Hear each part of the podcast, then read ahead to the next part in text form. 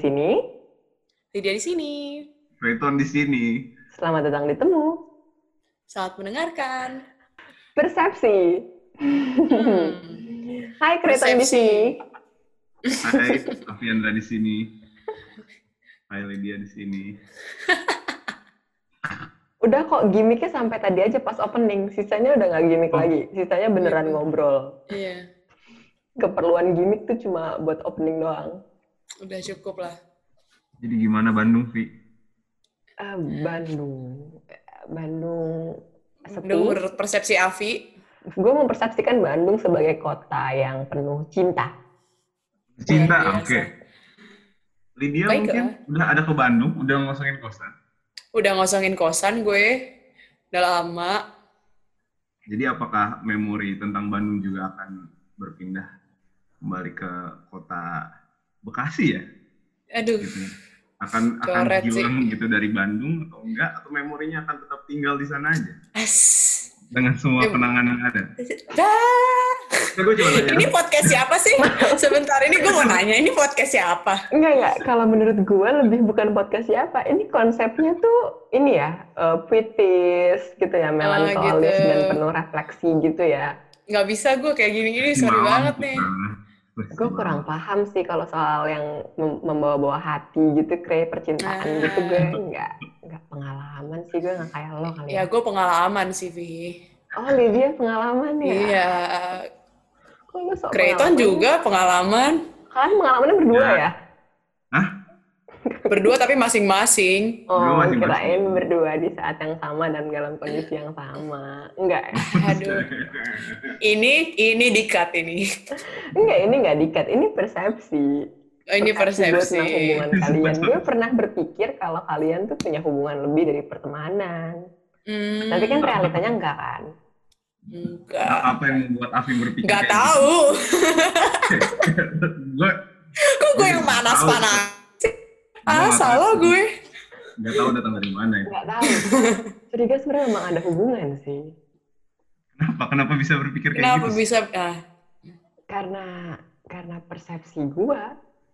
Persepsi Apa yang lu lihat? Kenapa muter-muter gitu jadinya? Sesuatu yang Ya. gue anggap dan gue lihat dan membentuk eh, apa ya? Membentuk cara pandang gue, membentuk pemahaman gue akan kalian gitu. Oke. Dibentuk oleh Ya, tapi- mungkin post Instagramnya Lydia, post Instagramnya Clayton. Post Instagram Lydia, post Instagram Clayton. Ada loh. Oke, Ada, ada. oke. Mm-mm. Tapi, tapi, tapi nggak berarti post Instagram langsung bisa disimpulkan bahwa ada sesuatu ya? Em, Atau kalau atau atau lu menyimpulkannya berdasarkan dua itu aja? Post Instagram Lydia, post Instagram Clayton. Oh mereka ada. Hmm, em, mungkin lebih ke bukan mereka kali ya, tapi lebih ke Clayton ada apa ya?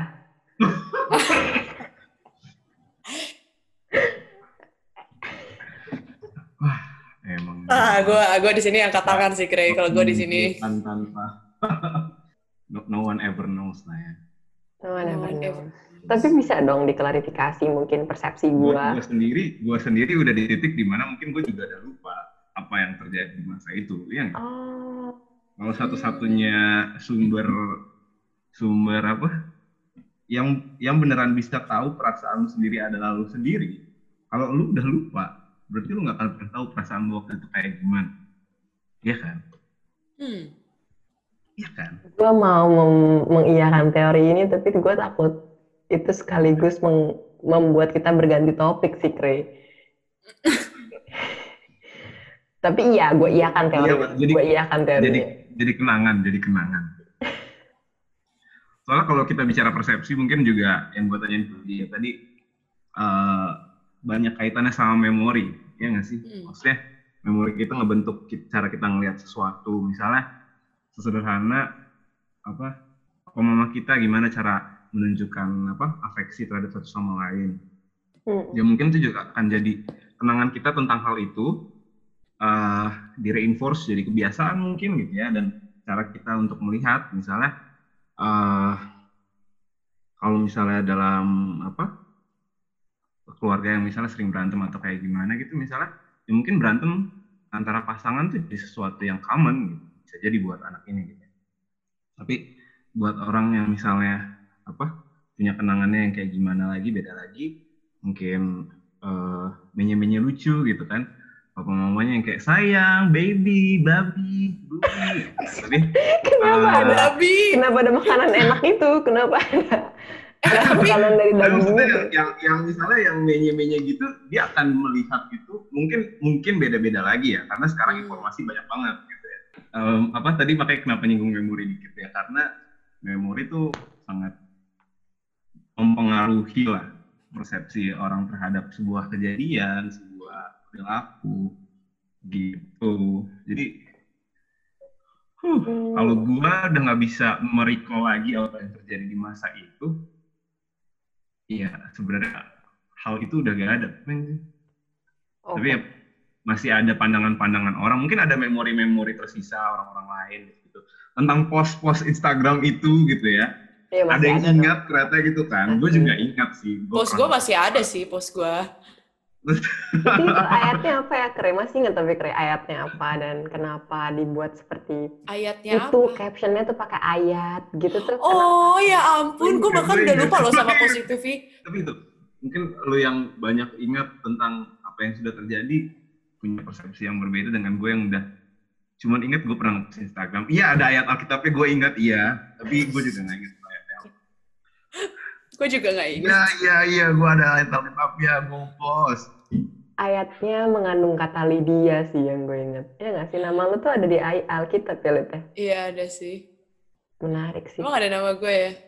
Ada, ada. Menurut, pokoknya menurut caption Masih ada screenshotnya bang? Harusnya ya? masih. Harusnya masih. Bahkan harusnya masih di archive mungkin atau atau entah somewhere. Gue nggak tahu sih Clayton hapus nggak? Gak tahu gue. gue gue juga udah nggak tahu. Nanti gue cek ya. Gue tertarik banget sama eh, kalimat Kretan bahwa persepsi itu dibentuk sama memori-memori. Berarti kan si memorinya itu sesuatu yang emang terjadi nggak sih, Kre? Kita tuh ingat sesuatu yang benar-benar pernah terjadi. Nggak mungkin dong kita mengingat sesuatu yang nggak pernah terjadi. Namanya imajinasi nggak sih? Oh iya terus Hayalan.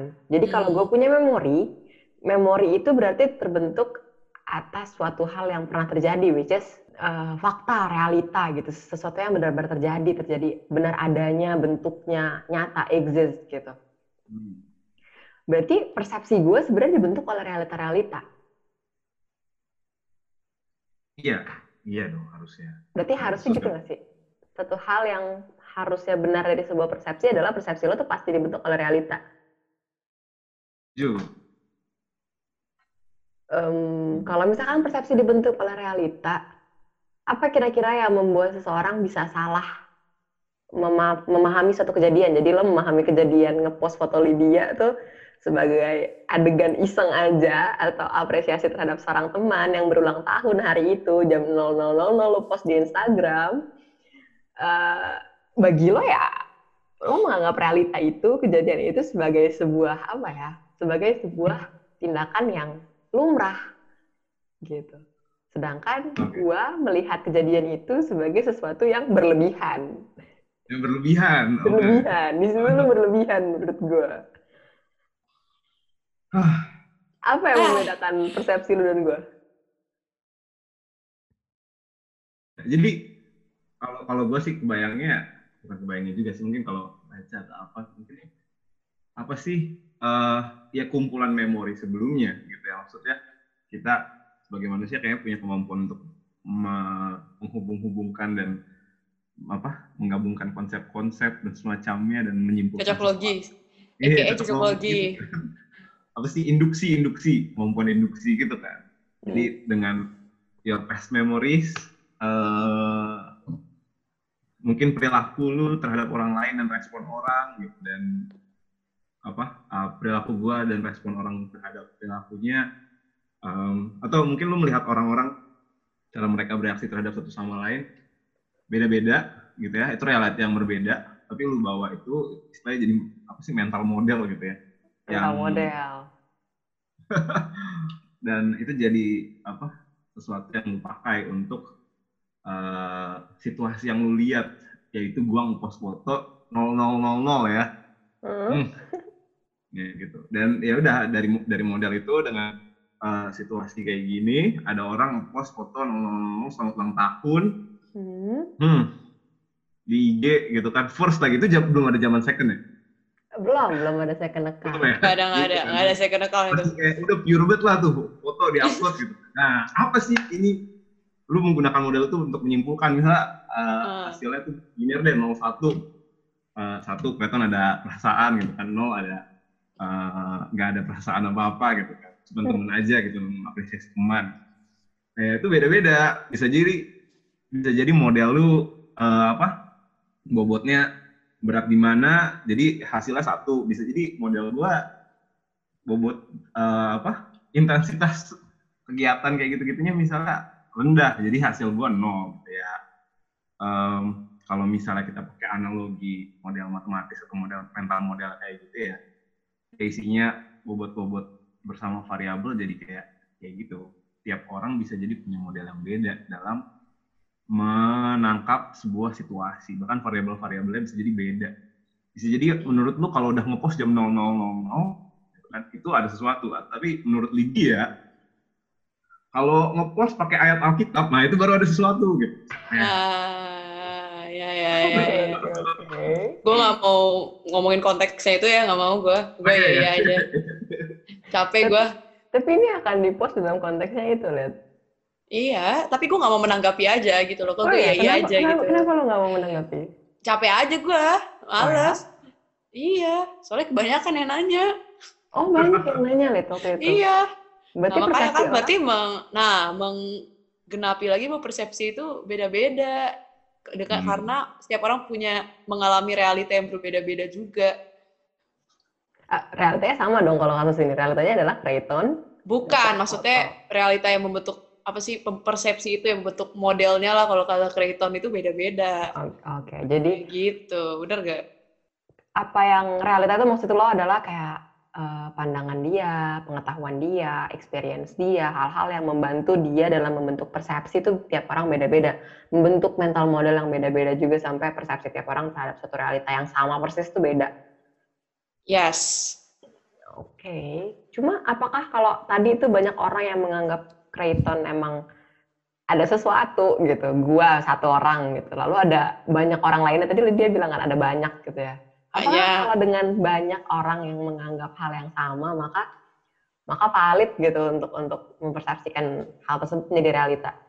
apa ya kalau misalnya eh, Afi jualan makanan gitu ya atau misalnya em, Afi ngeluarin podcast terus Hmm. habis itu eh, minta orang-orang review banyak banget tuh story sampai penuh kecil-kecil gitu kan Mm-mm. nah terus habis itu reviewnya positif semua gitu apakah itu akan jadi positif gitu memang bagus padahal bisa jadi sebenarnya setiap orang yang itu udah di request semua dibayar tuh semua sepuluh ribu GoPay buat bikin review positif bisa Gue jadi gitu. Buzzer, buzzer. Buzzer, buzzer. Iya gitu kan. Nah itu itu tuh gejala yang sama yang terjadi kan. Maksudnya does the image of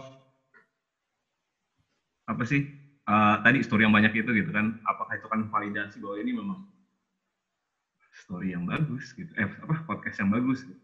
Hmm. Dan kayaknya gue nggak tahu sih iya atau enggaknya. Kayaknya enggak. Kayaknya enggak. Kayaknya enggak. Gue juga sepakat sih, kayaknya enggak. Ya persepsi gue nggak akan pernah jadi realita menurut gue. Persepsi gue nggak akan pernah sama seperti real- realitanya gitu. Belum tentu juga sih, bisa aja persepsi lu mungkin memang. bisa. Mungkin persepsi Ah. gue akan bisa sesama dengan persis dengan realitanya. Tapi persepsi ya persepsi, realita ya realita. Realitanya hanya Creighton ngepost Instagram gitu. Persepsi gue bahwa Creighton punya hubungan itu nggak ada di realitanya. Gitu. Nggak dengan gue melihat ada post Instagram maka Creighton punya hubungan. Gue akan ya realitanya harus realitanya Creighton jadian sama Lydia baru itu realitanya Dengarkan umat internet. apa?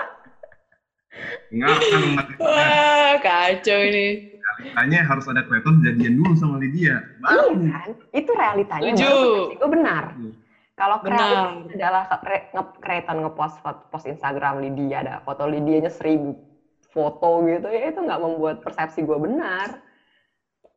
Realitanya hanya ada seribu foto Lydia di IG Creighton sampai kali ini menyenangkan buat itu gue nggak sopan. Gue- mungkin bukan mungkin bukan ada seribu foto Lydia di IG-nya Creighton tapi bisa jadi uh, lebih ke arah mau ada seribu orang story Creighton foto bareng Lydia itu pun juga belum tentu akan apa ya menyimpulkan bahwa Creighton sama Lydia gitu bayang nggak? Iya kan? Oke. Mm-mm, Kecuali benar. memang udah ada ya pernyataan itu gitu di Iya. story orang mungkin itu lebih ke pengumuman jadinya jatuhnya. Hmm, ya kan? ya. Apa? Itu nanti baru tuh bikin reaction gitu kan reaction Reaction. ya nah udah rame lah itu dunia internet makin internet. Aduh. Capek ya. Nah, invite satu lagi deh nih. Apa-apa? Invite satu lagi deh nih. Siapa? Jahian, Jahian. Oh iya, gue gue mau bikin klarifikasi buat temen-temen di luar sana yang nggak tahu, walaupun nggak mungkin ya nggak tahu. Lydia ini udah punya pacar guys, gitu. Lydia ini udah punya kekasih yang hmm. beneran Yang ngepost, sama- realitanya ngepost. Kalau pacarnya Lydia ini realita, Lydia ngepost foto bareng Jahian, Lydia dan Jahian juga mengatakan sendiri bahwa mereka itu punya hubungan asmara gitu. Baru tuh realita. ya kalau Creighton mah ya sulit lah nggak ada kayaknya eh Gimana gimana? Creighton masih Gak ada nanti lah ya. tuh. didoakan didoakan aja teman-teman Mau open submission, Clay. Nggak gitu Kita buka di bawah nih Ah, Google gue Docs. talent koordinator kok. Gue Eh, bisa, Google Form kok Google Docs. gue bisa, gitu. gue bisa mengkurasi nanti teman-teman yang mau mau jadi coba lah sama Creighton. Mungkin nanti dicariin ayat-ayat yang paling pas. Gitu. Bisa isi Google Form. Nanti linknya aku taruh di mana lah. Ada lah pokoknya. Entah di description box. Aduh, entah di banget. mana pun gue bantu kurasi untuk Creighton. Lalu lalu kalau kalau tadi kita punya konklusi satu bahwa ya persepsi nggak akan pernah sama dengan realitanya persepsi ya persepsi realita ya realita. Em, lu Cray sebagai orang yang cukup banyak nih dipersepsikan macam-macam atau orang-orang tuh mempersepsikan lu tuh sebagai hal-hal yang mungkin nggak seperti itu gitu. Nggak seperti adanya Creighton baik sebagai pribadi satu orang satu pribadi kedua tindak tanduk lo gitu perilaku lo gitu. Ada yang bilang A padahal sebenarnya ya enggak A lo cuma slightly A tapi sebenarnya lo B gitu. Ya kan kebayang lah gue nggak akan membahas objeknya dengan eksplisit karena gue takut banyak pihak yang ter apa ya tertrigger. Lu gimana keren menghadapi hal itu? Em, apa ya? Eh, kalau kalau apa sih? Ya biasa lah ya. Mungkin Lydia juga pasti eh tahu lah ya. Semua orang pernah pasti dalam sebuah komunitas terekspos kehidupannya dan eh, apa? Makanya tadi kata-katanya tuh yang menarik adalah kenapa kita pakai katanya image? Kenapa image? Gitu kenapa ya. maksudnya something yang kenapa bukan suaranya Lydia gitu yang yang diingat? Tapi image kata-katanya itu image meskipun itu perilaku atau apa ya mungkin mem- memang karena sebagian besar penginderaan kita ya dari penglihatan gitu ya. Jadi segala hal tuh uh, image. Tapi pasti dalam dalam apa? Dalam kehidupan seorang yang berkomunitas bermasyarakat mungkin ada adalah minimal uh, teman-temannya pernah kehidupan dia terekspos pasti secara ya berbeda-beda gitu ya. Mungkin karena pasti informasinya sifatnya asimetris gitu kan. Maksudnya ada yang ada, ada temen jauh gua mungkin udah udah lama nggak ketemu temen SMA tapi tiba-tiba dapat kabar kayak gini. Eh padahal di sini kayaknya lagi baik-baik aja mungkin gitu kan. Ya dan semacamnya pasti ada lah kayak penipuan ini penipuan kalau lagi pulang SMA anak ibu udah diculik minta di minta apa sih namanya ransom tuh apa sih ransom? Tebusan gitu gitu Busan. eh, apa? Gimana gimana menghadapi persepsi orang-orang yang berbeda? Ya ya pertama terima bahwa memang persepsi tiap orang berbeda. Itu itu realitanya. Realitanya adalah persepsi orang tiap berbeda tuh harus diyakini dan nggak pernah ada image tunggal tentang diri lu gitu ya. Udah banyak lah quotes quotes atau apa pun itu yang menyatakan itu apa sih you're always uh, a villain in someone's story gitu gitulah gitu tuh. Itu tuh yang menggambarkan bahwa persepsi orang terhadap lu itu akan selalu berbeda dan uh, dan ya itu yang harus diterima gitu. Kalau untuk ke ke apa ya ke ke dalam dirinya mungkin kadang bisa aja ada uh, image yang kurang sesuai mungkin yang menurut kita uh, enggak kayak gitu. Itu turun ke evaluasi sih jadinya ke evaluasi diri maksudnya gitu ya. Is it is it really that way? Atau uh, itu terdistorsi. Ketika sampai ke orang mungkin itu udah udah informasi atau omongan atau apa? Pembicaraan yang udah dua kali dua orang jaraknya gitu lah. pas ada orang ketiga itu kan berbeda lagi gitu uh, itu sih kalau menanggapi persepsi yang berbeda tadi pertama terima itu faktanya itu realitanya yang kedua kalau ada yang beda gitu ya atau ada yang tidak kita inginkan kah atau atau apa gitu mungkin orang-orang yang memang personal brandingnya juga kuat gitu kan merasa ada oh gue harus punya image kayak gini gitu. ya itu evaluasi waktunya evaluasi gitu. kalau sampai ada hal-hal yang uh, berbeda yang kita pahami. Tapi kadang kalau misalnya kayak ini deh uh, presiden kita nih misalnya itu kan banyak banget kan yang bahas tentang dia ya. Jokowi kayak gini semua salah Jokowi lah gitu apalah gitu kan. Uh, ada juga yang istilahnya ngambil perspektif uh, hal-hal bagusnya gitu. Ya ketika itu dikumpulkan semua terus kita sajikan ke Pak Jokowi dia juga bingung kali mau diapain ya gitu ya emang gak pernah ada yang tahu realitanya Pak Jokowi itu ngapain di istana negara gitu. Kalau dia tiba-tiba ternyata apa? Ternyata lagi duduk-duduk nonton-nonton gitu, atau mungkin ternyata dia lagi kerja mikir, lagi kajian sama menteri-menteri. Gak ada yang tahu cuy, karena kamera gitu ya, kamera yang bisa ngerekam gitu. Mungkin cuma akan ada pas lagi acara publik gitu, dan bisa jadi footage-footage yang ditampilin di berita itu footage-footage lama bisa jadi ternyata gitu kan, gak ada yang, gak ada yang tahu gitu. Jadi um, Pak Jokowi sekarang lagi ngapain? Apakah dia lagi memikirkan Indonesia? Apakah dia lagi memikirkan kuota gue yang lagi rendah ini gitu kan? Well, okay. Gak ada yang tahu. Siapa Menarik. tahu dia lagi. Ya.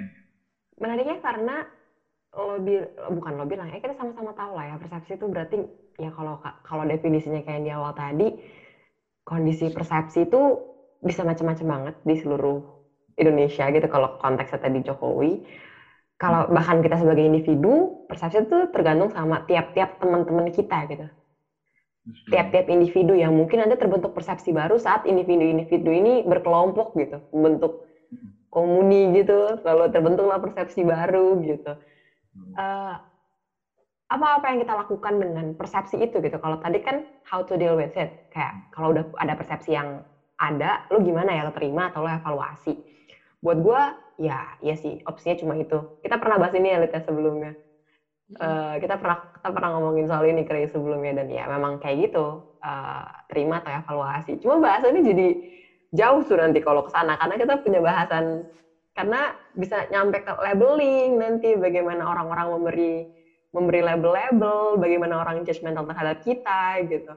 Tapi sebelum lari ke sana si persepsinya ini sendiri gitu.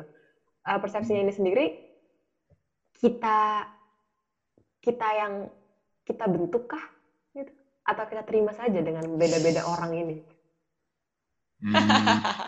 kan kalau tadi lo bilang kalau gue mau podcast gue seolah-olah bagus. Lo, lo yang kasih contoh ya tadi. Gue cuma minjem contoh lo lalu gue sewa seribu orang gue bayar gue bayar pakai gopay sepuluh ribu rupiah setiap orang gitu. Apakah dengan menunjukkan bahwa ada banyak podcast gue di review oleh banyak orang maka podcast gue bagus? Nggak ya kan? Tadi lo bilang kita sepakat kalau kenyataannya kayak gitu. Itu kan usaha gue membentuk persepsi dong iya kita iya. kenal kalau di kuliah itu marketing gitu itu pemasaran itu. bagaimana kita itu kita membentuk nilai yang di perceive gitu kayak perceive value gitu kita bilangnya itu untuk marketing sebelum bahas ke sana untuk seseorang gitu untuk suatu kejadian apakah memang perlu kita bentuk-bentuk hal seperti itu selain tujuannya kalau marketing tujuannya ekonomi biasanya gitu tujuannya uh, ada tujuan itu gitu. Kalau tanpa tujuan itu ada hal lain kah yang dibutuhkan untuk membentuk persepsi atau membangun persepsi? Ada, Vi. Oh ya, seperti mau kalau mau pengalihan isu, oh. Bener juga, Sabi. Bintang Emon Sabi. Kira, Hah? Nah, Bintang Bintang Emon apa? Best boy. Bintang Emon best boy. gue udah gak ngerti lagi tiba-tiba Bintang Emon Sabu. Capek banget gue liatnya.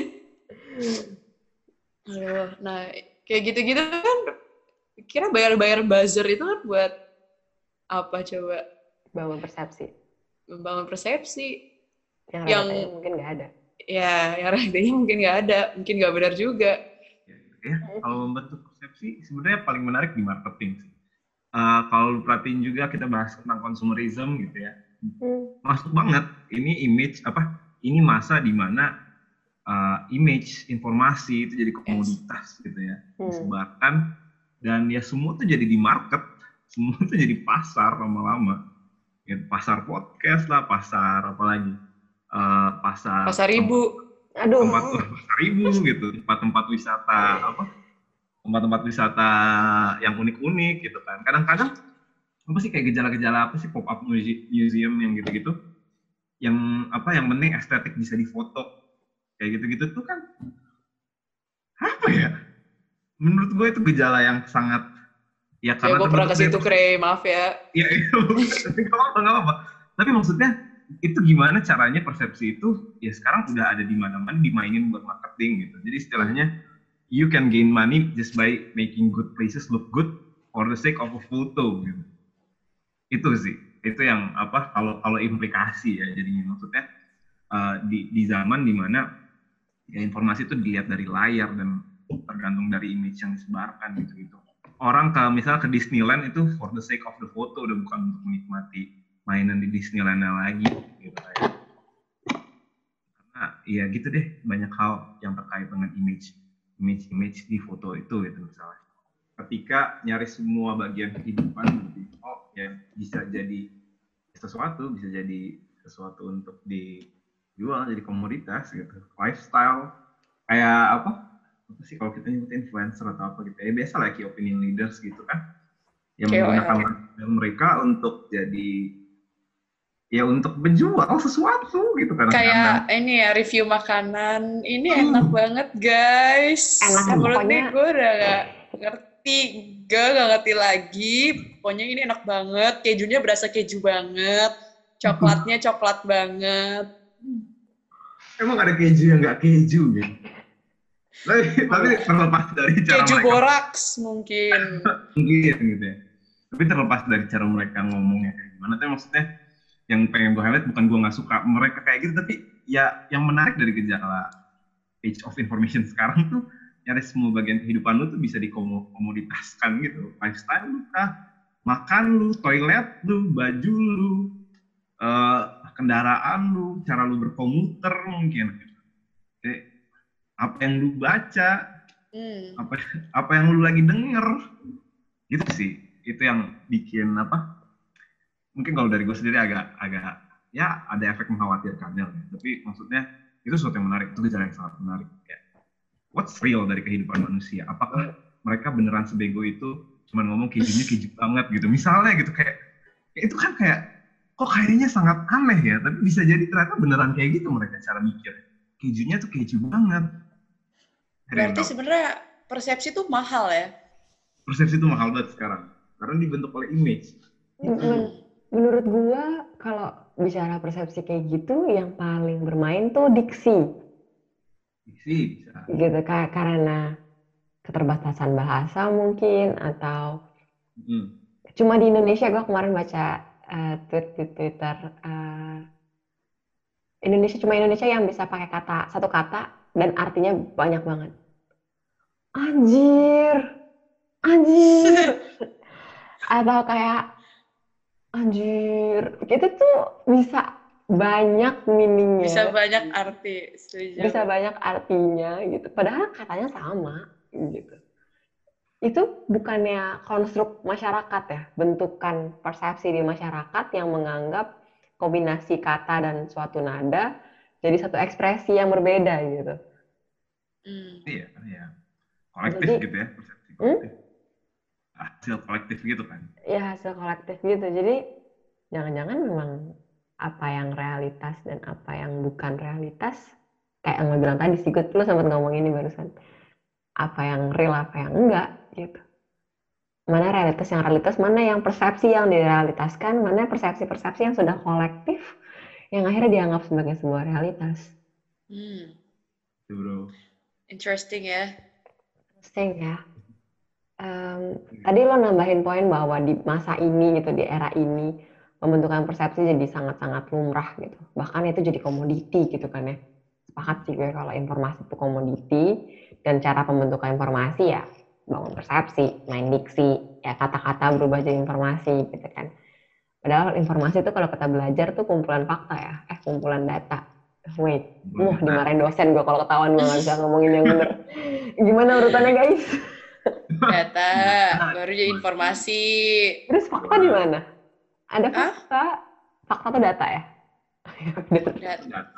Tapi data bisa dimanipulasi. tergantung. Nah, oh, oke. Berarti data dia bisa Kita dimanipulasi. TA atau apa gitu kan mungkin Eh. teman-teman ada yang memanipulasi data. hmm, Tidak ada yang tahu. Tidak ada yang tahu, benar. tidak ada yang tahu. bohongan mungkin gitu kan. Oke. Angkanya ditweak-tweak dikit kan, nggak ada yang tahu. Biar naik ya, gitu. Biar Biar trennya naik, biar Iya. trennya naik. Biar modelnya masuk, biar modelnya masuk. bobot digede-gedein dikit gitu ya. Oh ya, bagaimana tadi kalau komoditas, kalau informasi adalah komoditi dan informasi dibentuk oleh data-data dan fakta, em, sebenarnya nggak bisa kita membentuk informasi kecuali tadi datanya ditweak-tweak dikit gitu. Kita membangun informasi yang memang salah dari data-data yang udah kita bangun salah gitu. Kayak kayak apa ya? Menurut gua menurut gua nggak salah sih kondisi ini. Kondisi ini kayak keniscayaan gitu. Iya nggak sih? salah. salah geli-geli banget tapi itu bahasa gue kayak eh gimana ya gitu ya kadang-kadang Gemes-gemes gimana gitu ya. itu, itu tapi ya memang sangat menarik juga gitu sangat apa ya humans guys gitu ya kadang kita merasa kita harus keluar dari sini tapi kita sendiri sebenarnya terjebak gitu Gitu. kalau kalau apa sih pokoknya kemarin sempat bingung sih siapa bukan Richard bukan Biliar tapi apalah gitu gue juga nggak tahu sebenarnya nama bahasa Prancisnya apa nyebutnya dia tuh selalu menyebutkan hal-hal ini tuh namanya di buku dia judulnya simulacra and simulations Hmm. jadi ini tuh simulasi. Kayak bahkan yang lagi kita lakukan ini sebuah simulasi obrolan. This feels real, tapi is this obrolan yang real? Apakah ini kita atau for the sake of uh, views atau apa gitu kan? Nanti ketika udah di upload YouTube nggak ada yang tahu gitu. Ini simulasinya emang obrolan mereka kayak gini atau ini obrolan di tweak untuk keinginan mereka gitu. Jadi jadi itu kenapa itu sangat menarik karena nyaris segala sesuatu itu sebuah simulasi jadinya. Itu tadi makan simulasi. Pas dia makan, hmm enak banget nih gitu. Eh, rasanya makanan itu gitu. Dan banyak lagi lah hal-hal lainnya gitu. Itu itu ya dari persepsi masing-masing orang. Jadi nyaris semua bagian kehidupan tuh yang sangat menariknya adalah bisa jadi komunitas guys. Hmm, kalau kita punya persepsi, orang punya persepsi, gue punya persepsi, Lydia punya persepsi, kita berteman, atau lo juga punya persepsi deh kayak kita bertiga berteman, lalu menghasilkan satu persepsi yang baru gitu yang beda, atau bahkan persepsi kita bertiga sama dan kita percaya gitu. Hmm. Eh, mungkin kondisinya nggak salah, tapi bisa ber, eh, kondisi itu bisa dikatakan buruk kalau dampaknya buruk. Kalau dia mempengaruhi hal lain gitu atau dia menghasilkan sesuatu yang buruk gitu. Jadilah itu berbahaya gitu, sesuatu yang harus dihindarin. Tapi gimana cara ngehindarinnya? Gitu. Sedangkan caranya orang men-challenge persepsi mereka biasanya dengan diskusi kan, memperbanyak jumlah. Itu satu-satunya solusi kayaknya yang yang kayak sama kayak podcast tadi gitu. Dengan jumlah yang banyak, ya kayak kita statistik lah, semakin banyak data maka semakin valid gitu. Semakin banyak orang yang berpersepsi demikian maka semakin valid. Itu rule of thumb yang apa ya? Kayak konvensi yang berlaku lah di masyarakat gitu kan ya. Kalau udah satu satu ITB bilang A bagus gitu berarti oh satu ITB bilang lapangan paling gede itu Lapcin, Lapcin udah paling gede gitu. Wah, masih ada Saraga gitu kan. Lalu Bagus. lalu gimana eh, menghadapi kondisi ini gitu? Apalagi kalau nantinya terbentuk sesuatu konklusi yang buruk gitu. Gimana caranya kita bertahan gitu di society gitu sebagai Hmm. seorang makhluk sosial? Gimana caranya kita bertahan punya persepsi? Ya udah tiap orang pasti punya persepsi gitu. Biar nggak menghasilkan sesuatu yang buruk atau berdampak buruk. Hmm, mungkin Lydia dulu. Iya, eh lihat. melempar melemparkan Tahu gue. nggak berani gitu gue bingung mesti kayak misalkan di dunia ini semua orang ini kayak udah ekstrim case-nya gitu ya kayak di dunia ini semua orang bilang Creighton ganteng tapi Aviandra bilang Creighton jelek gitu maksud lo Yes. Iya, iya. itu buruk. Boleh, boleh. Terus itu buruk, kayak- itu bahaya. Itu bahaya Eh. banget, parah, bahaya banget. jadi kayak gimana caranya enggak kita balik dong berarti Aviandra bilang Creighton ganteng satu dunia bilang Creighton jelek gitu dong maksudnya Itu kan lebih buruk lagi, itu lebih buruk kan lagi. Avianda tadi contohnya gitu maksudnya Oh, iya. kayak dia memegang satu persepsi yang sebenarnya menurutnya benar dan baik menurut Iya. dia sementara kayak orang lain bilang eh itu sesuatu emang memegang persepsi yang buruk gitu dan mengakibatkan hal yang buruk bagi semua orang jadi gak ada Hmm. cewek yang udah ketau sama Creighton gitu kan Iya, parah. parah. ya Udah, tapi kita, udahlah kita bareng yuk. Gimana? kayak susah juga gak sih maksudnya untuk kalau lu mau ngomongin gimana caranya berarti lu kalau kalau di sini kita ngomongin gimana cara ngubah persepsi orang susah sih Iya dong. Bukan kita mau mengubah persepsi orang, tapi bagaimana Mencegah itu. bagaimana mencegah adanya mencegah oh jadi ini ceritanya belum terjadi Iya. atau atau udah terjadi ya terserah. udah terjadi kalau mencegah sebelum terjadi dong Iya, justru maksud gue mencegah terjadinya keburukan gitu. Kan orang udah menganggap Kristen jelek, tapi belum Ah. Kristen masih ada kesempatan nyari cewek gitu. hmm, gitu Cuma gara-gara opini gitu jadinya bisa jadi kata nggak dapet cewek. gue nggak punya jawaban sih mungkin Creighton punya jawaban Em, yang sulit adalah kalau memang ternyata ya, semua orang juga nggak merasa perlu adanya pemikiran bahwa Clayton ganteng.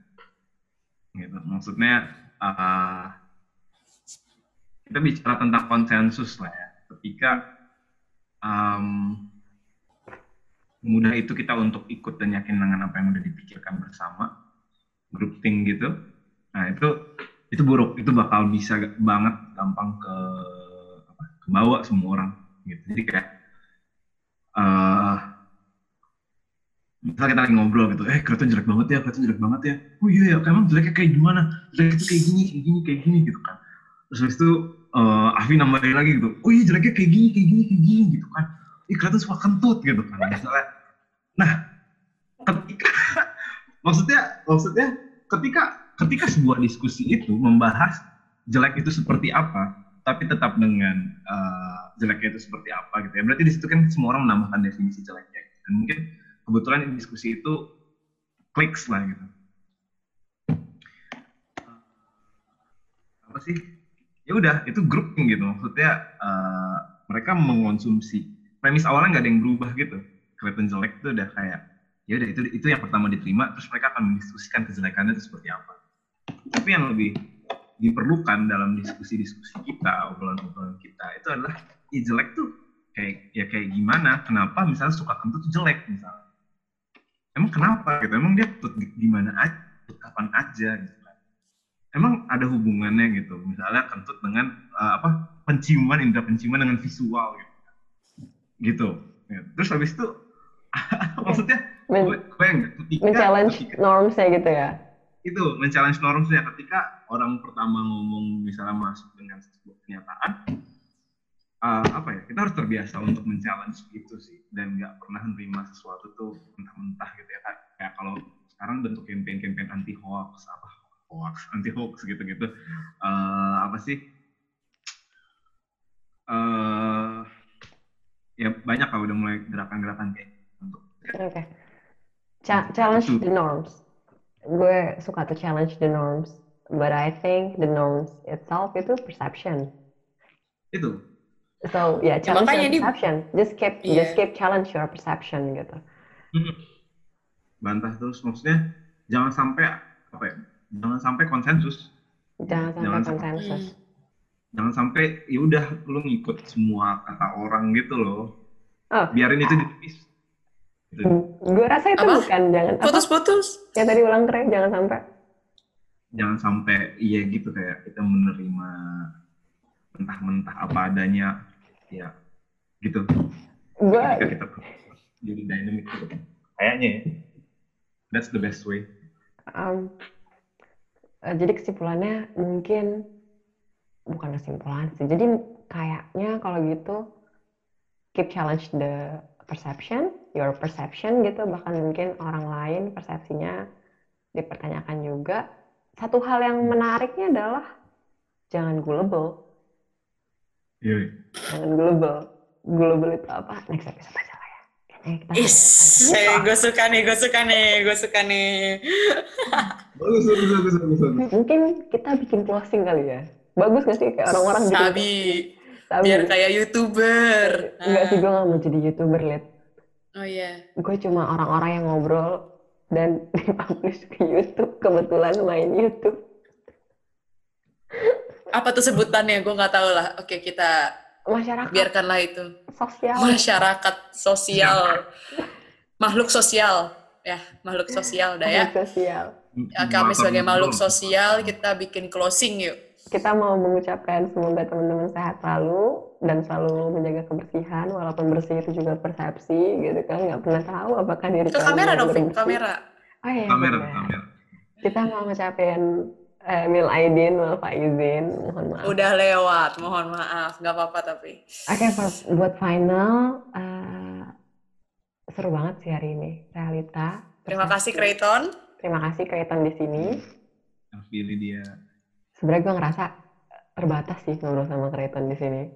Iya. Masih banyak lanjutannya. Semoga Mungkin di ada- episode selanjutnya Oh, ada bener. Creighton lagi. Emang kata siapa cuma boleh sekali, ya kan? Gak ada, gak ada aturannya kayak gitu, gak ada. Gak ada. boleh sekali. Jadi kesimpulannya, semoga kalian bisa dapat sesuatu untuk diambil hari ini. Sampai bertemu.